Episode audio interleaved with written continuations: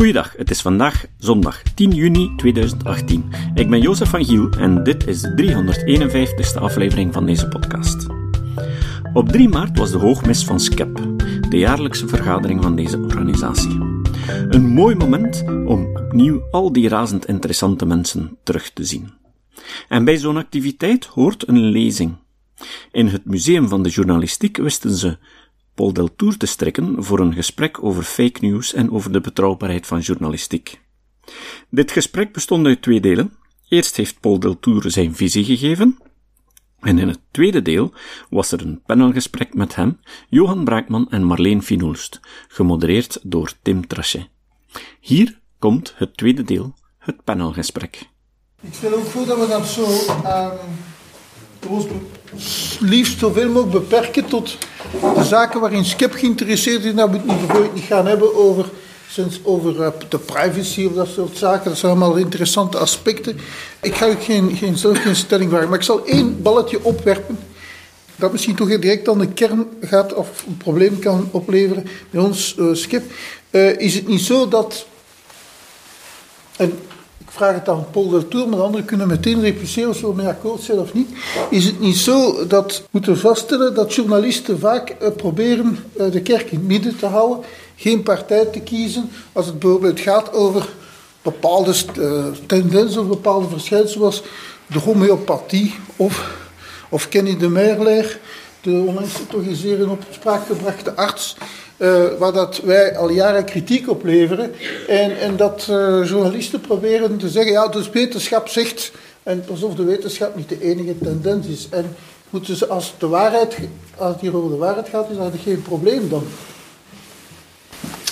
Ja, ik ga daar heel, heel kort iets over zeggen, want ik denk dat mijn debatcollega uh, of, of panelcollega's daar, daar veel dingen nog kunnen over zeggen. Maar inderdaad, dus de, de, het principe van hoor-wederhoor of woord-wederwoord, dus dat bij ons in de deontologische code staat, dat is ook geen mathematisch beginsel. Hè, in de zin dat uh, het, het, is niet omdat iemand anders uh, plotseling met, met een andere versie van de feiten komt, dat we die ook moeten geven. Een heel concreet voorbeeld, klimaatverandering. Hè, dus ik denk dat dus iedereen er wel over eens is hè, dat van alles aan, aan, de hand is. Dus als je dan die sceptici hebt, hè, klimaat veranderingsskeptici. Ze zijn ook sceptici. Uh, het is niet omdat die dan een andere klok laten horen, omdat die zeggen van ja, er is niks aan, hè, dat, dat we dat dan nog ook moeten geven.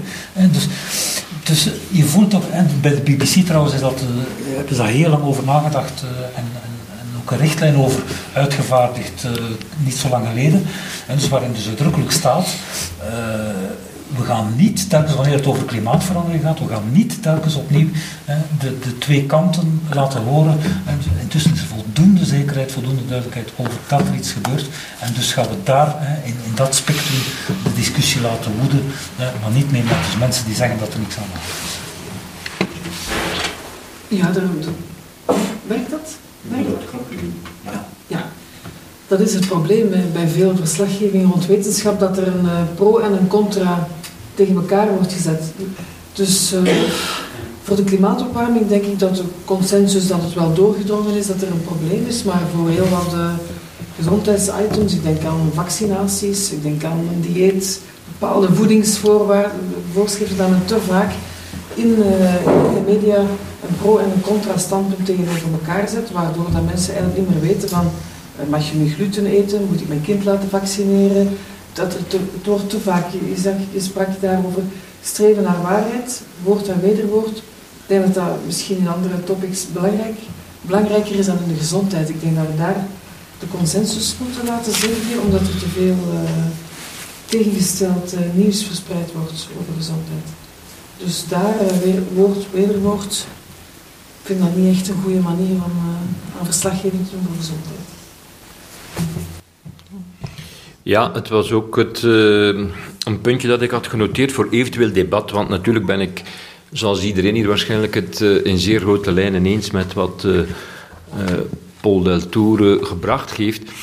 En hij bedoelt natuurlijk ook niet, neem ik aan, woord en wederwoord, dat als je een expert over de holocaust aan het woord laat, dat je dan ook een negationist aan het woord moet laten of zo. Dat, dat, dat is natuurlijk niet hoe het werkt in goede journalistiek.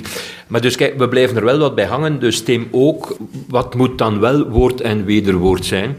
Ik denk dat goede journalistiek tracht te streven, daar waar dat natuurlijk kan, dat is misschien niet altijd mogelijk, naar, uh, niet zozeer naar het zoeken naar de waarheid, hè, daar is ook door Pol op gewezen, maar daar moeten we misschien straks nog ook op terugkomen maar naar een vorm van, van evidence-based uh, werken. Hè. Iets wat we kennen uit de geneeskunde natuurlijk, maar wat je op, uh, op toch heel veel zaken kunt toepassen. Ik herinner mij dat, uh, dat Geert Magils vorig jaar een lezing heeft gegeven over evidence-based living. Eigenlijk is dat iets wat SCEP kan ondersteunen natuurlijk. En ik denk dat dat in de journalistiek gewoon evident ook kan gelden. Je streeft ernaar om evidence-based informatie uh, te brengen. Het probleem is misschien dat, dat men in journalistiek niet altijd goed kan inschatten wat dan evidence-based is en wie dan ergens tussen aanhalingstekens de autoriteit geeft om dat naar voren te brengen. Het, het, klimaatdebat is een goed uh, voorbeeld. Uh, ondertussen weten we zo wel ongeveer waar de consensus naartoe gaat. Enfin, we weten dat toch al meerdere jaren. Maar neem nu 10, 15 jaar geleden was dat helemaal niet zo duidelijk. En als je dus op zo'n moment uh, echt woord en wederwoord, dus de klimaatmensen aan de ene kant, die, die, die denken, ja, er is uh, door mensen mede veroorzaakte opwarming, en dan tegelijkertijd laat je de zogenaamde klimaatskeptici aan het.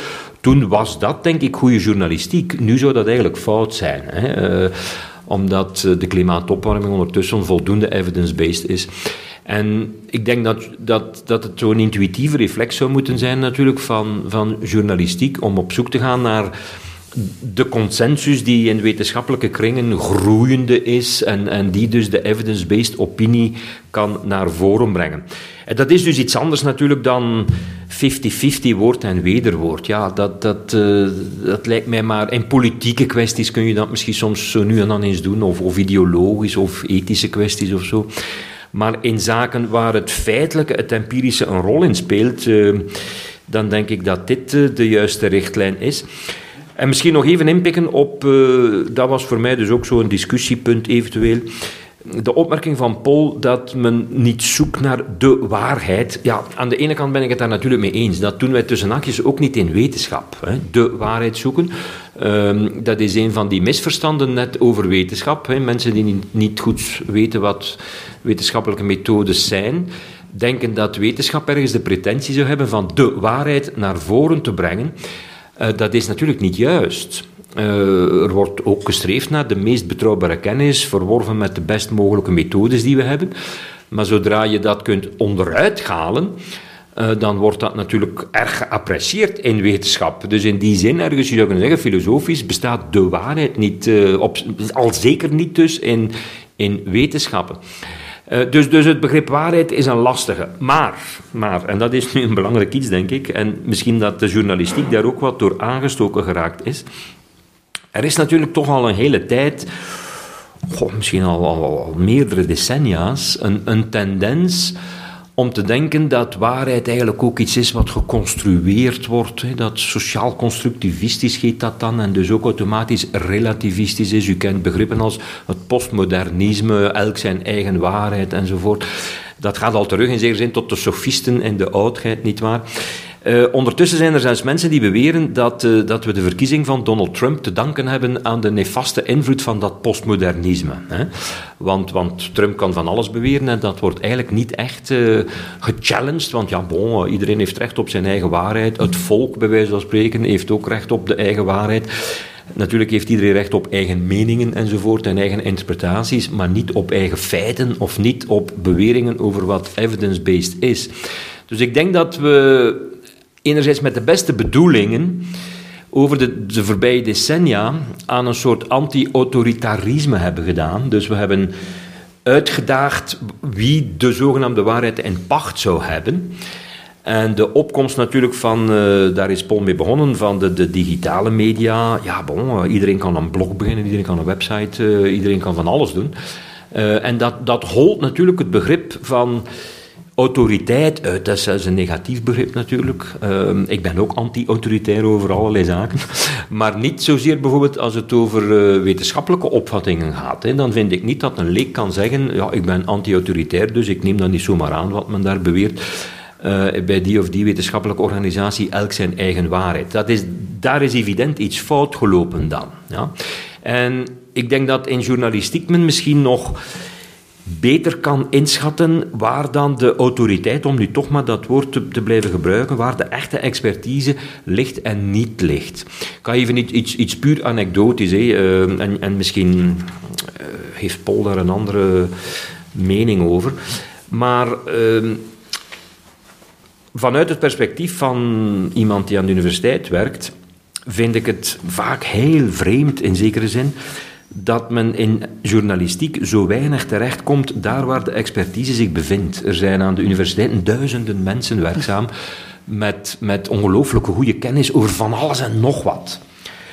Die mensen hoor je nooit, die krijgt men nooit te pakken. Een, een van de zeer simpele redenen is, en ik, ik vraag dat vaak aan journalisten, is dat ja, maar ze krijgen het niet goed uitgelegd, of ze maken het te ingewikkeld, of ze beginnen op televisie met ten eerste en ten tweede en ten derde, en dat willen we niet, enzovoort. En ik heb daar allemaal wel begrip voor.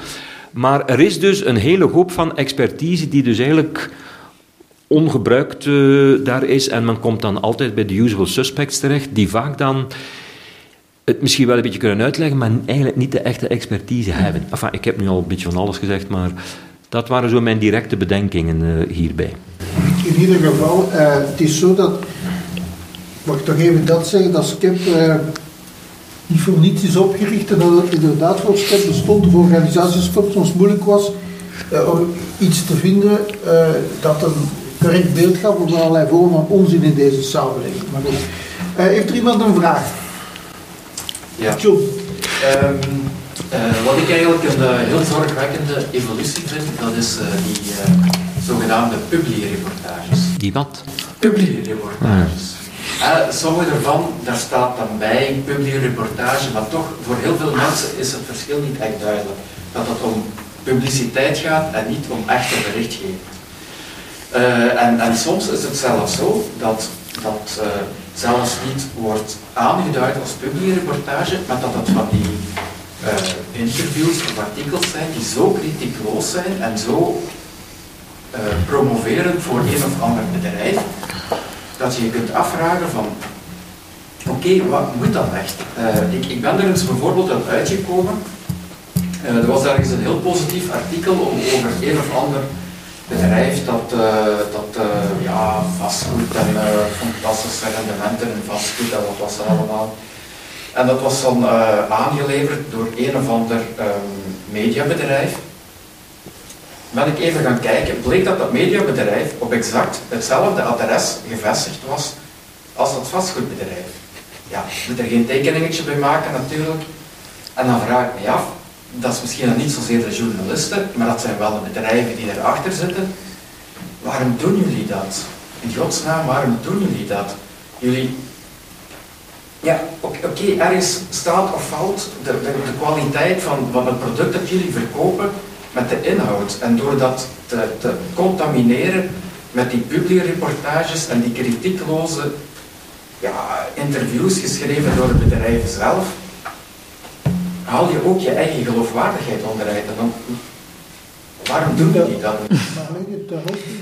Uh, ja, ik doe dat niet. Uh, allee, als hoofdredacteur van Body Talk weiger ik uh, al twaalf jaar reportages te brengen. En ik zie ook wel een evolutie. Dus Body Talk is een magazine over gezondheid dat bij de KNAK zit. Bij KNAK wordt samengevoegd omdat er te weinig middelen zijn om het, om het uit te geven als onafhankelijk magazine. Uh, publiereportages brengen natuurlijk geld op. Hè. Dat is de enige reden waarom dat een uitgever dat in zijn magazine stopt. Uiteraard, ik zie wel een, een, een minder een negatieve evolutie in die zin dat men gaat naar native advertising. Dat wil zeggen dat je zelfs geen hoofding publiereportage meer te zien krijgt, maar dat het gewoon een, helemaal de redactionele vorm aanneemt en eigenlijk uh, ja, niet meer, dat het onderscheid nog heel moeilijk te maken is.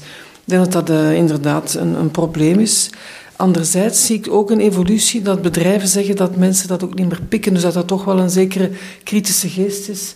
Waar mensen zeggen, ja kom, die publiereportage. De bedrijven komen daar denk ik ook wel een beetje van, van terug. Alleen we zitten daar in evolutie. Uh, ik zie Paul knikken, dus... Uh, Wat, dat evidence-based, ik wil daar nog even op ingaan. Dat evidence-based werken waar um, Johan het over had, ik denk dat we daarvoor moeten investeren in goede journalistiek.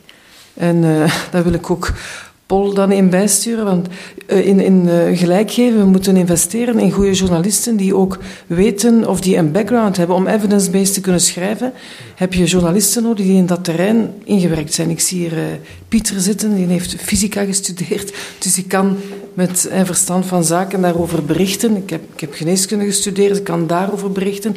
Dus er zijn te weinig gespecialiseerde journalisten. Ik heb het gevoel dat heel veel webredacties bevolkt zijn met journalisten die een uh, algemene opleiding hebben gehad en over alles moeten kunnen schrijven.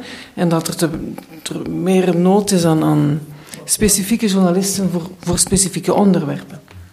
Als ik aan de WRT, waar ik werk, merk dan denk ik dat, dat, dat de specialisatie van journalisten afneemt. Dat men iedereen een beetje alles hm. moet doen.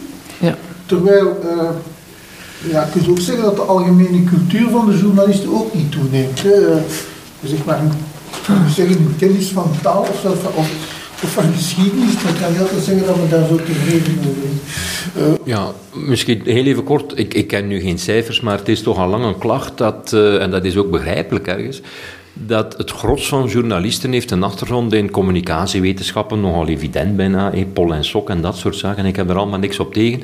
Maar er zijn er inderdaad erg weinig met bijvoorbeeld een geneeskundige achtergrond. Dat is evident. Je studeert geen geneeskunde om dan journalist te worden. Normaal gezien niet, Marleen. Hè. Dus ja. Of, Mislukte uh, dokter, zeggen ze tegen me. Ja, dus dus hoeveel, in, hoeveel uh, journalisten zijn ingenieur of, of chemicus of bioloog of zo? Dat, ja. dat zijn er natuurlijk heel weinig. Terwijl dat toch hele fundamentele disciplines zijn die over geweldig ja. belangrijke ja. onderwerpen zouden moeten kunnen schrijven. Hè. Het is bon. misschien een ondergewaardeerd uh, beroep. Dat ook natuurlijk, ja. Uh, er, er, zijn ook niet zoveel opleidingen voor wetenschapsjournalisten. Hè. Um, Te weinig, zeker. Uh, ja, dat is, dat is een genre dat niet zo... De meeste, de meeste mensen die in journalistiek geïnteresseerd raken als studenten geraken vooral geïnteresseerd denk ik in politieke kwesties of in, in, in lifestyle kwesties, zo dat soort uh, human interest-achtige dingen. Er komen wel um, meer en meer opleidingen aan universiteiten. Ik zie dat in de curriculum geneeskunde voor wetenschapsjournalistiek. Ja. Dus ik krijg ook stagiairs die dat, dat proberen daarin bij te scholen. Ik zie dat ook ja. in de farmacie. Dus dat, daar is wel een kleine...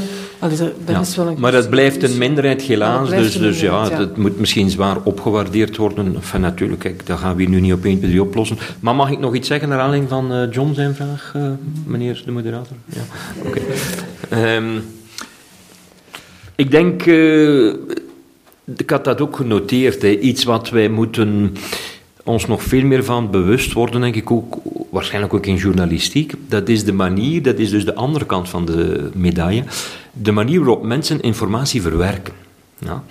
En dus, uh, we weten er eigenlijk bizar genoeg nog niet zo geweldig veel van. Dus de manier waarop ons brein inkomende informatie verwerkt. Dat is heel raar. Als je naar studies kijkt over bijvoorbeeld hoe reclame werkt of niet werkt, in marketing doet men dat soort uh, studies natuurlijk wel, dan blijkt bijvoorbeeld dat zelfs hoogst irritante reclame toch zeer succesvol kan zijn. Uh, dus je haat de reclame die je op de radio hoort enzovoort, maar gewoon de pure blootstelling de, informatie haakt zich ergens vast en blijkt dus een aantoonbaar commercieel effect te hebben. Dat soort zaken. Dat is contra-intuïtief. Je zou dat eigenlijk niet uh, verwachten. Dus die mensen die zo'n mix maken tussen wetenschap en, en, publiciteit, ja, die weten dat natuurlijk ook. Hè. Dus, dus die mensen zijn daar meer mee bezig dan, dan wij zelf uh, in zekere zijn. Um, dus dit is, wat, is iets wat mij heel sterk boeit. Dat is hoe, op welke knoppen moet je duwen, als het ware psychologisch, om ingang te vinden. Dat zijn vragen die interessant zijn voor mensen die, die commercieel geïnteresseerd zijn, maar dat is ook een vraag die natuurlijk journalisten zou moeten bezighouden. Dus hoe moet je het aanbrengen om op een goede manier ingang te doen vinden? Ik, ik denk dat daar misschien te weinig wordt over nagedacht. En soms via een omweg kun je, dat wel, kun je daar wel bewust van worden. Um, kijk, mensen die dat fake news brengen, bijvoorbeeld, denken daar wel over na. Hoe moeten wij dat doen om dat wat, wat wordt vaak verspreid? Wat kan viraal gaan? Wat gaan mensen op Facebook doorsturen en posten enzovoort? Dat zijn heel interessante vragen, vind ik. En je ziet ook dat mensen vallen voor fake news, pseudowetenschap enzovoort. eh, het zijn vooral die berichten die, ik noem dat dan, op de juiste knoppen duwen. Ja. En er zit daar ook een verschil in tussen hoger opgeleide mensen, verstandige mensen en minder hoogopgeleide mensen enzovoort. Het is niet zo bijvoorbeeld dat je, denkt, dat je als hoger opgeleide of als slimme mens minder kwetsbaar bent om te vallen voor fake news. We weten ook, en dat is misschien ook een beetje contra-intuïtief, als hoger opgeleide en slimme mens val je evenzeer voor fake news, maar voor meer gesofisticeerd fake news. Zie je? Dus wij gaan, wij gaan niet vallen voor ehm, eh, de aliens zijn geland op de grote markt van Brussel of zo, maar misschien wel voor een complottheorie. Zie je, die complottheorieën en alternatieve geneeswijze is een ander voorbeeld, is heel populair in kringen van hoger opgeleide mensen. Waarom? Omdat dat ingewikkelde dingen zijn. Zie je? Het zijn altijd mensen met diploma's die dit soort zaken verspreiden en die daar geloof aan hechten, ook omdat dat, ik kan het niet lang trekken hoor, ook omdat dat zo geassocieerd is met andere zaken die dan de hogeropgeleide mensen boeien. Bijvoorbeeld alternatieve geneeskunde, dat hangt vast aan gezond leven, aan anti-big pharma, aan ideologische zaken, aan progressief, aan, aan, aan allerlei andere zaken die daar eigenlijk op zich niks mee te maken hebben. Ja? En dus valt men daarvoor. Homeopathie is populair in hogeropgeleide kringen en veel minder bij mensen die ja, niet zo lang naar school geweest zijn, als ik dat nu zo mag zeggen. Dus ons bewust worden van op welke knoppen wordt hier eigenlijk geduwd met dat fake news, psychologisch, vind ik erg belangrijk. nog één ding. Nog één ding. Dat is ook een invalshoek om dat te bestuderen. Zo de studie van urban legends, u kent dat, zo broodje aapverhalen en zo. Dat is heel interessant om te kijken, hoe werkt dat? En bijvoorbeeld ook uh, van die berichten die duidelijk bedoeld zijn als grap of satire. Mensen kunnen daar ook inlopen. Dat heet Poe's Law. Ik weet niet of u dat kent, de wet van Poe. Is niet Edgar Allan Poe, maar een andere Poe. En een mooi voorbeeld is uh, die foto die gepost werd van Steven Spielberg de regisseur van vele films, waaronder Jurassic Park. En hij poseerde bij zo'n eh, een of andere dinosauruspop die gemaakt was voor de film Jurassic Park. En dat was net in de periode dat Cecil the Lion was neergeschoten. Weet u dat nog? Dat was zo'n hele gedoe rond zo'n een, een, jager die zo... Die leeuw had doodgeschoten en uh, een tandarts, geloof ik, die man is dan moeten onderduiken en zo. Want iedereen wou hem dan doodschieten. En uh, dus in die context post er iemand voor de grap die foto van Steven Spielberg met die dinosaurus op de achtergrond. En hij zet daarbij uh, disgraceful picture of a despicable hunter en zo. Ik bedoel, fake news, maar voor de lol. Er zijn mensen die daar ernstig op ingaan. Die zeggen, ja, hij, hij, moet vervolgd worden en dit en dat enzovoort. En dan is er zo iemand, ik, ik heb dat bewaard of voor in lezingen en zo, iemand die zegt, ja, maar this is Steven Spielberg, the director of Jurassic Park. En dan komt er een reactie, I don't care who he is, he should not have shot that animal, enzovoort, zo'n hele litanie. Dus mensen lopen zelfs daarin, dat is Poe's Law, het onderscheid niet weten tussen fake news, satirisch nieuws en echt nieuws. Hè. Dat is interessant, interessant als studieobject, om te weten hoe, hoe marcheert dat psychologisch. Dat is iets waar nog te weinig, denk ik, over nagedacht wordt. Het gezicht op Mars was ook als grappig eerst gelanceerd. Hè? En, en daar zijn hele boeken over geschreven. Ja. Er was een formatie op een gezicht, menselijk gezicht leren op Mars. Uh, het te zeggen over de journalisten die aan de juiste knoppen moeten drukken? of die dat leren? ja.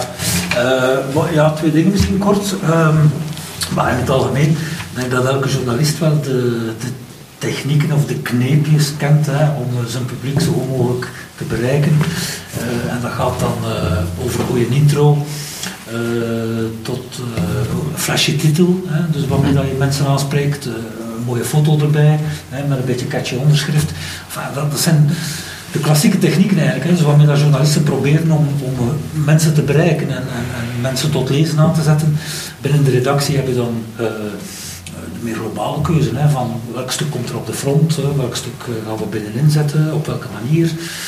Komt het boven. Vroeger, toen, toen, we nog gazetten maakten, papieren gazetten nog altijd, gedacht van wat komt er boven de vouw en wat komt eronder. dat was belangrijk. omdat ja. wat boven de vouw, vouw was, dus dat, dat, viel meer in, in het oog. sprong meer in het oog enzovoort.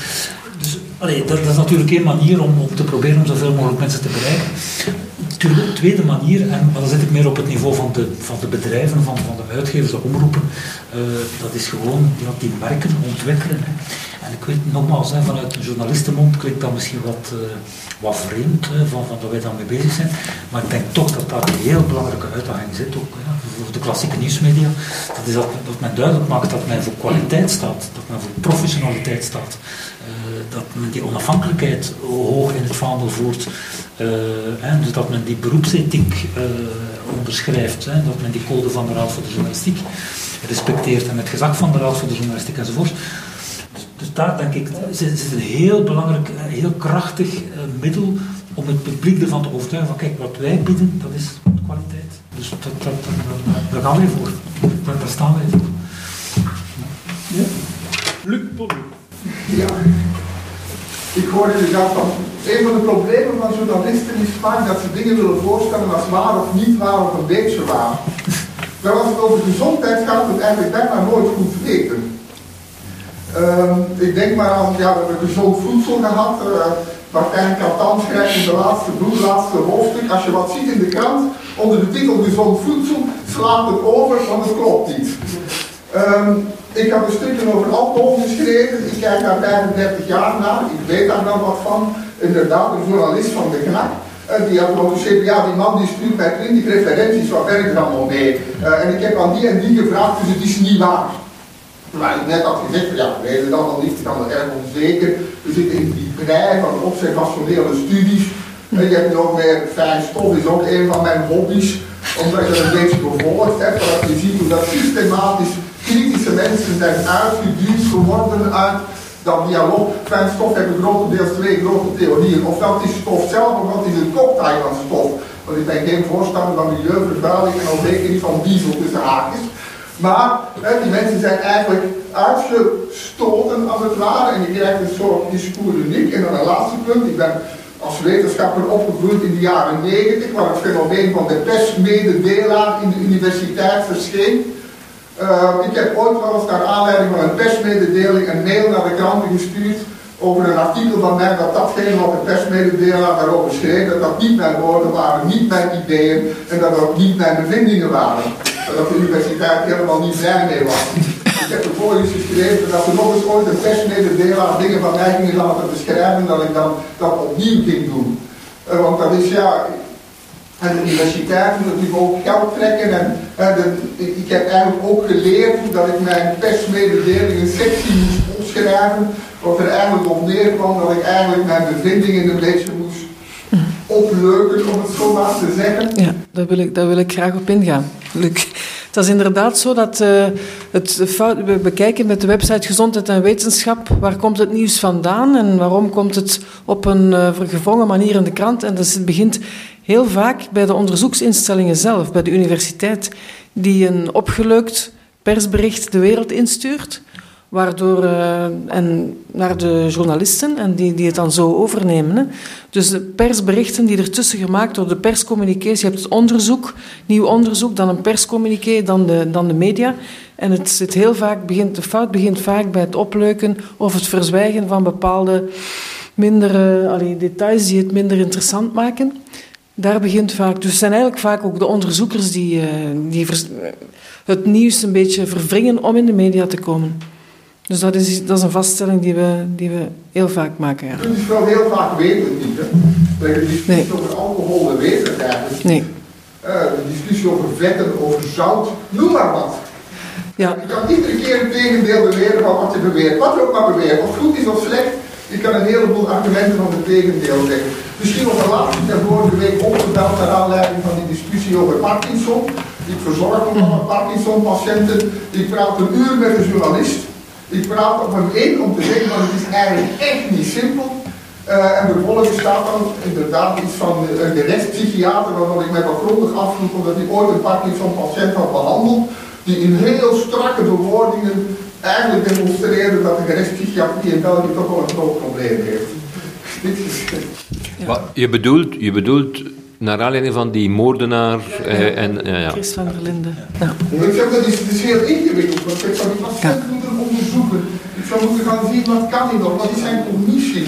En, maar ik heb wel mannen met hyperseksualiteit en Parkinson en die doen echt onvoorziene dingen hoor. Ja.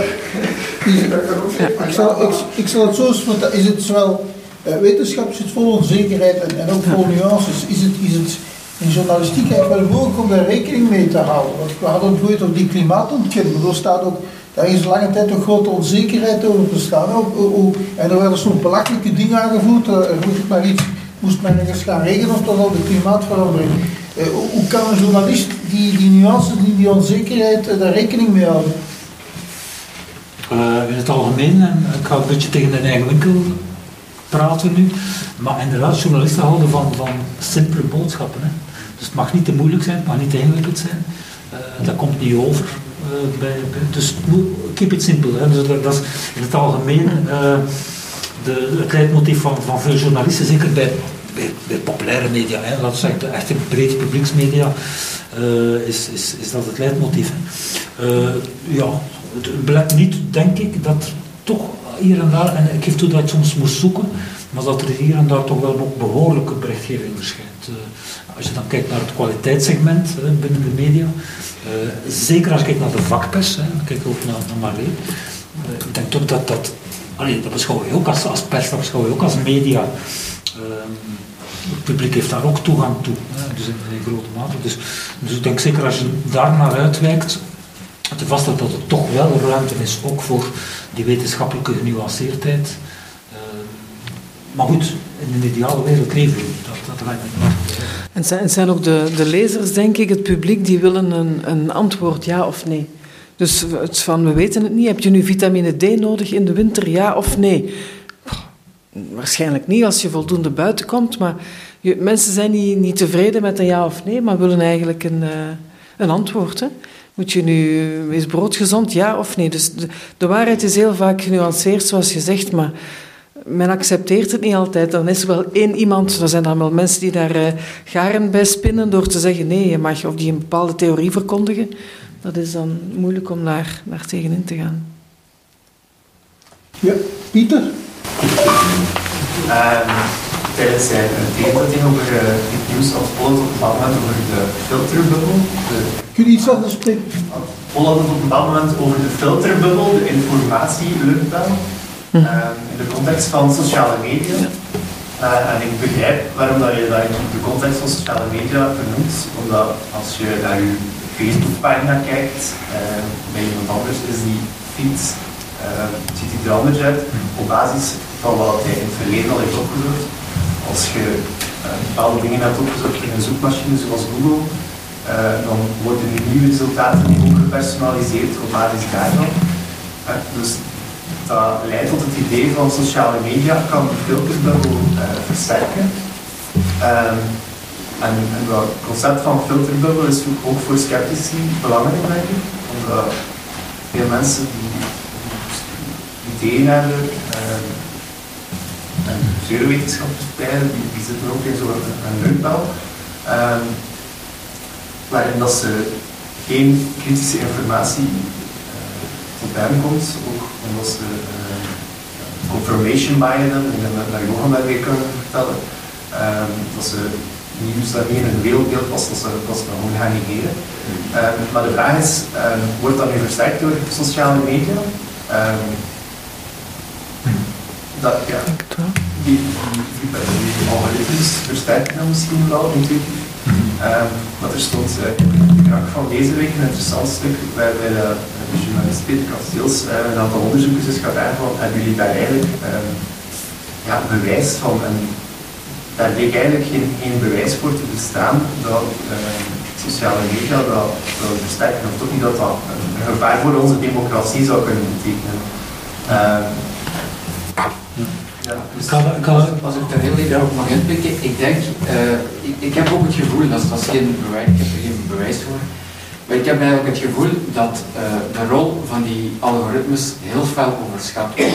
Die algoritmes die, die automatiseren bepaalde dingen.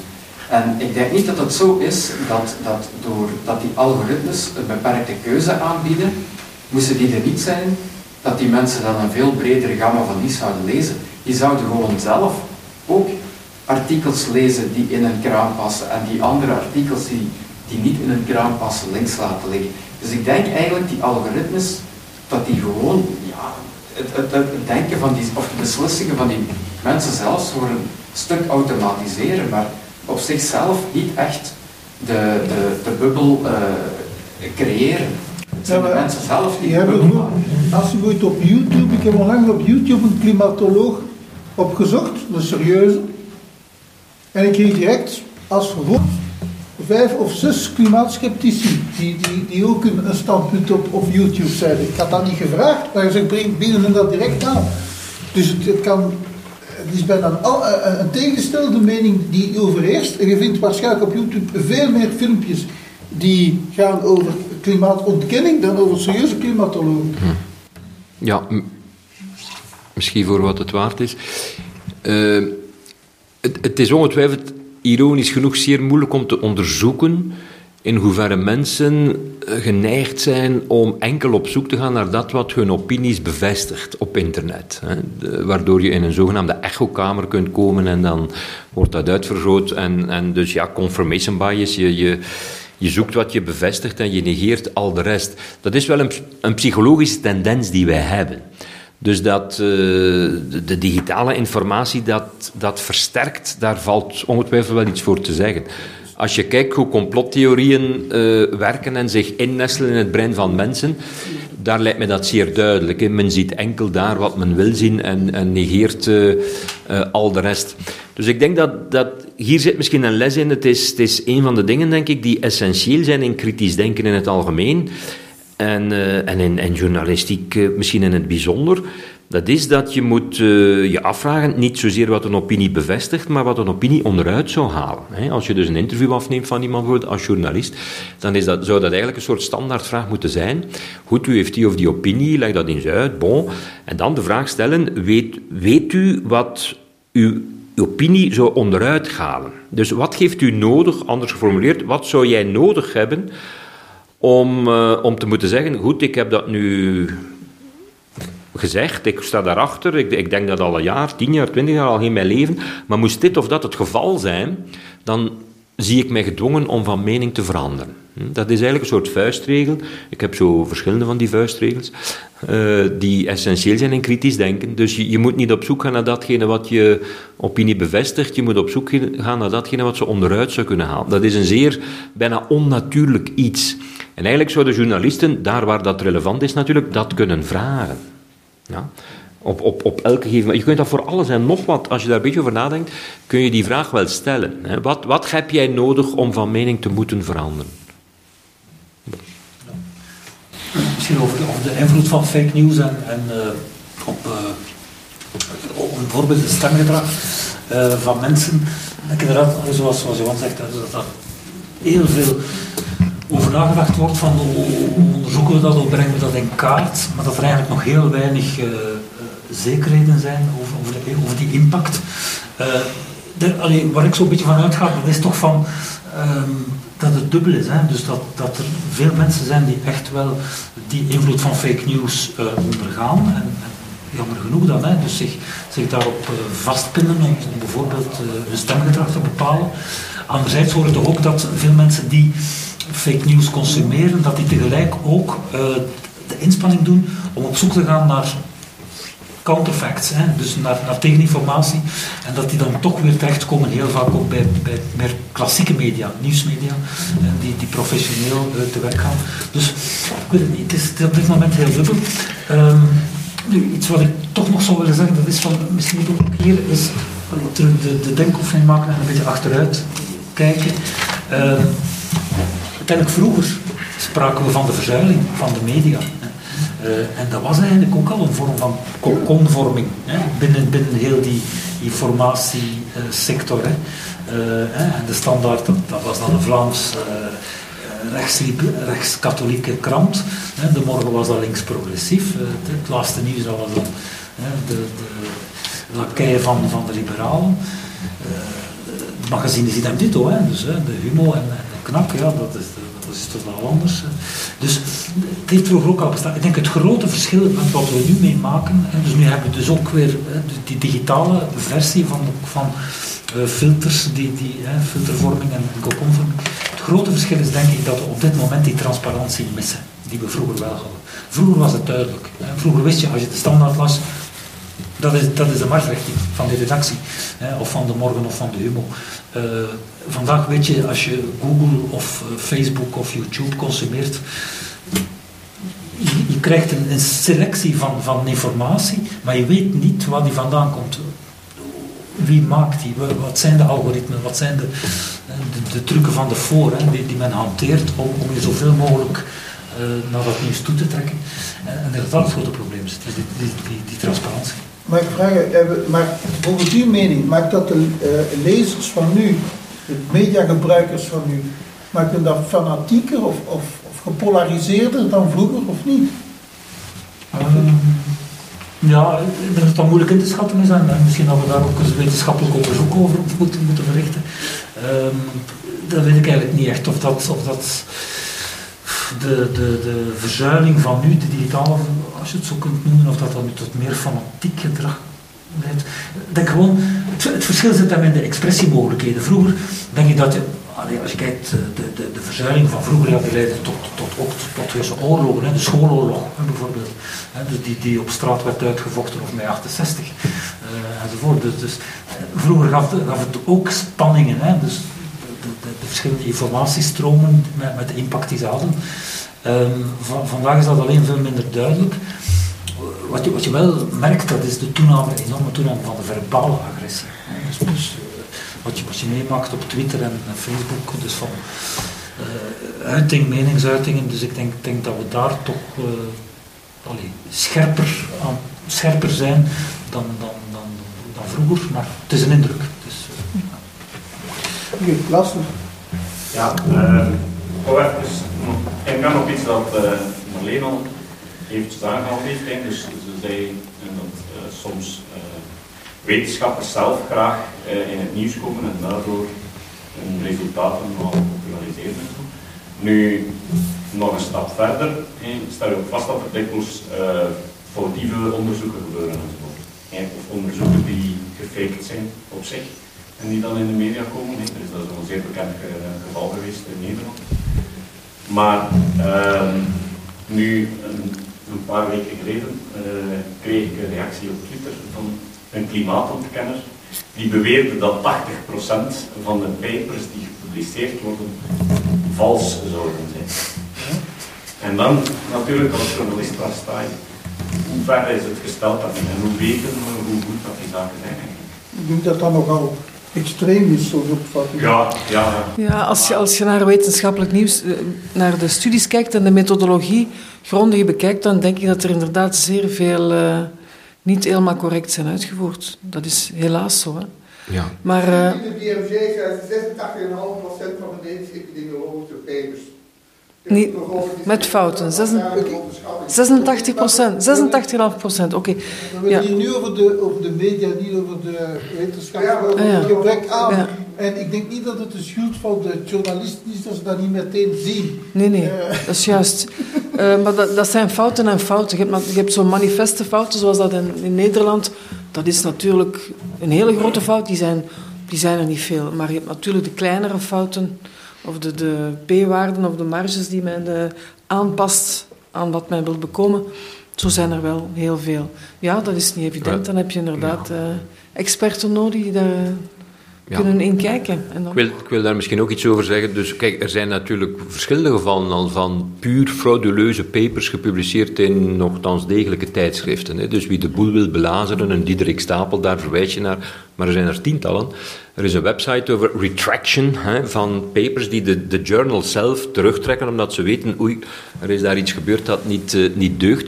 Dus dat, dat is juist. Hè. Ook wetenschappers zijn maar mensen en, en frauduleren soms en dat is een heel ander debat voor een deel, maar dat komt door tijdsdruk en competitie en, en, en funding en, en bon. Een beetje zoals de dopingsproblematiek in de koers, als je het niet doet dan enzovoort en zo verder. Dus dat speelt allemaal wel een rol.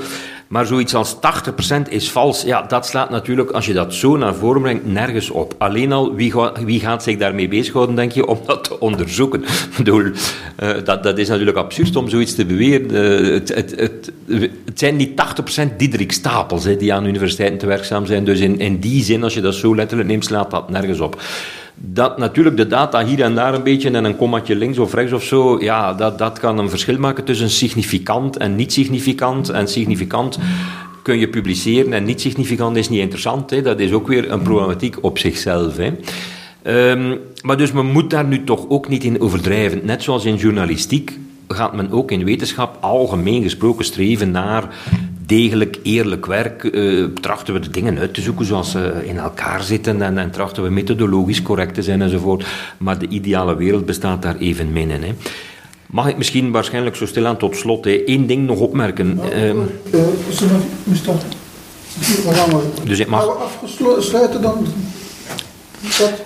Micro. Ja, dan gaan we afronden of staan er nog we gaan, want het is inderdaad al half vijf. Tijd om af te ronden. Hè. Ja, dus misschien mogen we allemaal nog iets zeggen. Ik wou nog even inpikken op het onderscheid dat Paul maakte tussen die drie categorieën nieuws. Hè. Dat vind ik zeer interessant. Uh, dus het, uh, het, klassieke nieuws, waar natuurlijk soms domweg fouten in sluipen. Uh, honest mistakes, hè. ja, bon, goed, ja. niemand is, is onfeilbaar. Dat vind ik interessant, omdat daar vaak dus wordt op ingespeeld door zelfs de mensen waar jij naar verwijst daarnet, Jozef. Hey, uh, ah, zie je wel, je kunt die journalist niet vertrouwen, want uh, dit klopt daar niet, terwijl dat om een, een, een eerlijke vergissing gaat. Dus klassiek nieuws, dan onecht nieuws, waar we het hier ook toch over gehad hebben, en dan het, uh, het echte valse nieuws. Dus, dus puur fraude. Ik denk dat ik bij dat laatste een soort subcategorie zou maken, relevant voor SCEP, dat is het genre complottheorieën, pseudowetenschappen, de hele wereld van de alternatieve geneeskunde enzovoort. Daar zitten fraudeurs tussen, maar, maar een belangrijk probleem is dat veel van dat soort nieuws naar voren wordt gebracht door mensen die het echt menen. Dus het zijn geen fraudeurs. Ze, ze zijn ervan overtuigd dat zij de, de kritische denkers zijn, dat, dat zij echt op zoek gaan naar hoe het wel zit enzovoort. En ze menen dat. Uh, het is dus vals nieuws wat ze brengen, maar ze doen het niet intentioneel. Dat is een bijzondere subcategorie en dat is een beetje de core business, denk ik, van, van SCAP. Dus die complottheoretici zijn, zijn geen bedriegers in de normale zin van het woord. Die mensen zijn er oprecht van overtuigd dat zij doorgronden hoe het echt in elkaar zit. En, en zo gaat dat voor al die zaken waar wij mee bezig zijn. Dat is, dus het is een bedenking. Het is een aparte subcategorie, een belangrijke subcategorie van dat van uw nummer drie, het valse nieuws. Dat niet psychologisch intentioneel frauduleus hoeft te zijn. En, en dat maakt wel een verschil in hoe je daarmee omgaat. Een fraudeur ontmaskeren, als je het kan, dat is ergens dankbaar en in zekere zin makkelijk. Maar iemand ontmaskeren die niet weet dat hij vals nieuws verspreidt, is in zekere zin veel moeilijker. Ja. Ja, heel terecht. Helemaal mee eens. Ja. Ik het zeggen? Ah.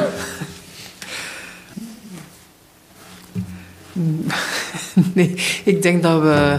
Ik denk, allez, ik onderschrijf de boodschap hier van Paul dat we moeten investeren en blijven investeren in kwaliteitsjournalistiek. Ik denk dat dat heel belangrijk is. Voilà, ik denk uh, dat we het daar over eens zijn. En wat u betreft? Ik uw conclusie. Nee, nee, nee. Ik denk dat er voldoende verstandige dingen gezegd zijn uh, om, uh, om hier niet het laatste woord over te hebben. Je bent het eens met jezelf. Ja. Oké. Nou, is mij nog om uh, Paul de Toers te bedanken voor de ontvangst hier en voor de, de, de boeiende voordracht. En dat heeft heel wat uh, losgemaakt uh, in, bij de mensen om te denken over de problematiek van hoe betrouwbare informatie te brengen. En we kunnen daar misschien een beetje bij helpen. Ik heb hier drie boekjes van onze serie uh, monografieën, sceptische monografieën. Ja. Uh, die hopelijk een beetje kunnen helpen uh, om betrouwbare informatie te bevinden, tenminste dan over die drie onderwerpen die we al behandeld hebben. Straf bedankt. Ja. Bedankt aan iedereen.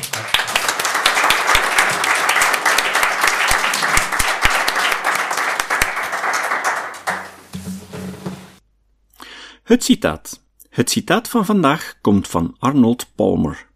Palmer is een bekende golfspeler. Ik vond het in een tekst waarin gesproken werd over deliberate practice, een methode van leren ontwikkeld door Anders Ericsson. Palmer zei: Vreemd, maar hoe meer ik oefen, hoe meer geluk ik heb. Tot de volgende keer. Deze podcast is het resultaat van het werk van veel mensen. Rick de Laat verbetert bijna al mijn teksten en maakt de meeste vertalingen. Emiel Dingemans verzorgt onze website en Facebookpagina. Ook Leon Korteweg en Stefan Sutens schrijven, vertalen of verbeteren soms artikelen. Leon onderhoudt bovendien het YouTube-kanaal van deze podcast. De muziek van de intro en de trailer heeft Nick Lucassen geschreven en soms maken we ook gebruik van muziek van Ad van Nederpelt, die ons zijn prachtige composities ter beschikking stelt. Dit was de podcast Kritisch Denken. Vergeet niet om alles kritisch te behandelen, ook deze podcast. Voor verdere informatie over deze podcast, links en voor de tekst, surf naar www.kritischdenken.info. Als je deze podcast belangrijk vindt, kun je me steunen door anderen warm te maken ook eens te luisteren. Stuur een e-mail naar vrienden met een link naar de website en plaats de link in de handtekening van je e-mails. Tevens kun je op iTunes deze podcast een beoordeling geven of een recensie schrijven. Of je kan op je eigen website of blog een link naar kritisch denken plaatsen.